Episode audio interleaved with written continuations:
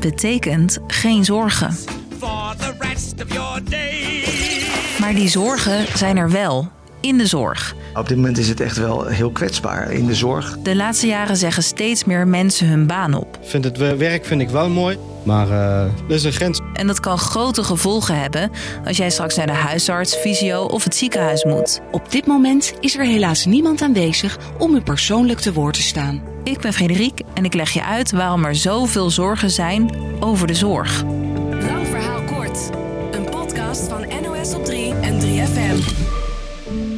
Goedemorgen. Afgelopen jaar zijn er 21.000 extra mensen in de zorg gaan werken. Sommigen in de wijkverpleging, Kom maar aan hoor. anderen in verzorgingstehuizen of bij huisartsen, ziekenhuizen, jeugdzorg of gehandicaptenzorg. Ik haal er heel veel energie uit het eh, iets kunnen betekenen voor een ander. Dus ja, het draagt bij aan mijn geluk. Ja, en 21.000 extra mensen klinkt wel positief. Alleen steeds meer mensen stoppen ook juist met een baan in de zorg. Zeker de laatste jaren. Vind het werk vind ik wel mooi, maar eh, er is een grens. Het eh, houdt ergens op. Uit cijfers blijkt dat vooral jonge mensen de zorg verlaten. De reden dat mensen stoppen zijn verschillend. Maar wat vaak meespeelt is de hoge werkdruk, zoals bij René.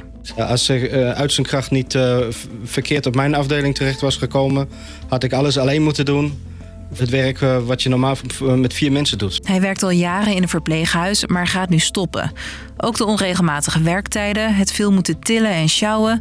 de tijd die mensen kwijt zijn aan de administratie en geld zijn redenen om te stoppen. Ik spreek wel eens van mijn oudste zoon, vrienden. Die werken, nou hoe zeg je dat, voor een eh, klantenservice eh, afdeling. Nou, die verdienen bijna meer dan ik. En omdat er nu heel veel vacatures zijn, ook buiten de zorg... is een nieuwe baan vaak zo gevonden. Oké, er komen dus nog altijd meer mensen bij in de zorg dan er weggaan. Maar het is nog allemaal lang niet genoeg, want de vraag naar zorg stijgt nog veel harder. Er zijn veel openstaande vacatures. Dus dat betekent dat we veel verzorgenden en verpleegkundigen ook zoeken, eh, maar moeilijk kunnen vinden. Eh, eh, het betekent ook dat mensen vaak korter blijven dan je eigenlijk zou willen. Je hoort Jaap Kappert. Hij is van de Vereniging voor Zorgpersoneel en werkt als verpleegkundige in een ziekenhuis. Regelmatig ziet hij collega's vertrekken. Even een, een baan op een heel ander plekje, hè? dus waar je niet zoveel met je hoofd hoeft na te denken als in de zorg. Te weinig personeel heeft volgens Jaap grote gevolgen voor mensen die zorg nodig hebben. Soms moet er ook dan met degene die zorg ontvangt, de cliënt, worden overlegd. Ja, kan het ook een dag wachten? Soms kan dat, maar soms is dat natuurlijk ook wel echt jammer. En waar je nu soms lang moet wachten op de juiste zorg, worden die wachttijden in de toekomst nog veel langer, denkt Peter Heijn van Mulligen van het CBS. Dat het aandeel ouderen neemt toe. Eh, mensen eh, worden ook steeds ouder. Ja, en ouderen hebben weer vaker hulp nodig van zorgpersoneel. Ik vind ze heel lief. Dus die druk op de zorg, die neemt meer en meer toe.